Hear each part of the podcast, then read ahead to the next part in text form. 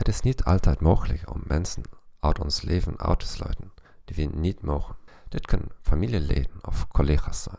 Kent u mensen die bijna pathologisch leugens vertellen? Vaak vertellen ze slechts kleine leugens. Vaak klopt slechts een klein maar cruciaal deel van hun verhaal niet helemaal.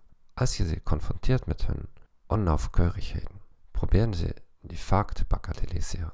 Of ze zeggen dat je ze verkeerd hebt begrepen. Sommige van deze mensen laten me aan mezelf twijfelen. Klopt mijn geheugen? Overdrijf ik? Hier is een oplossing. Je begint al die kleine inconsistenties en tegenstrijdigheden te documenteren. Vandaag zei hij dit, maar vorige week ging het verhaal zo.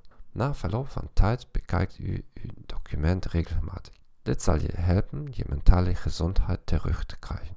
Het ook helpen om in ieder geval beslissingen te nemen over hoe u een grens voor de persoon kunt stellen.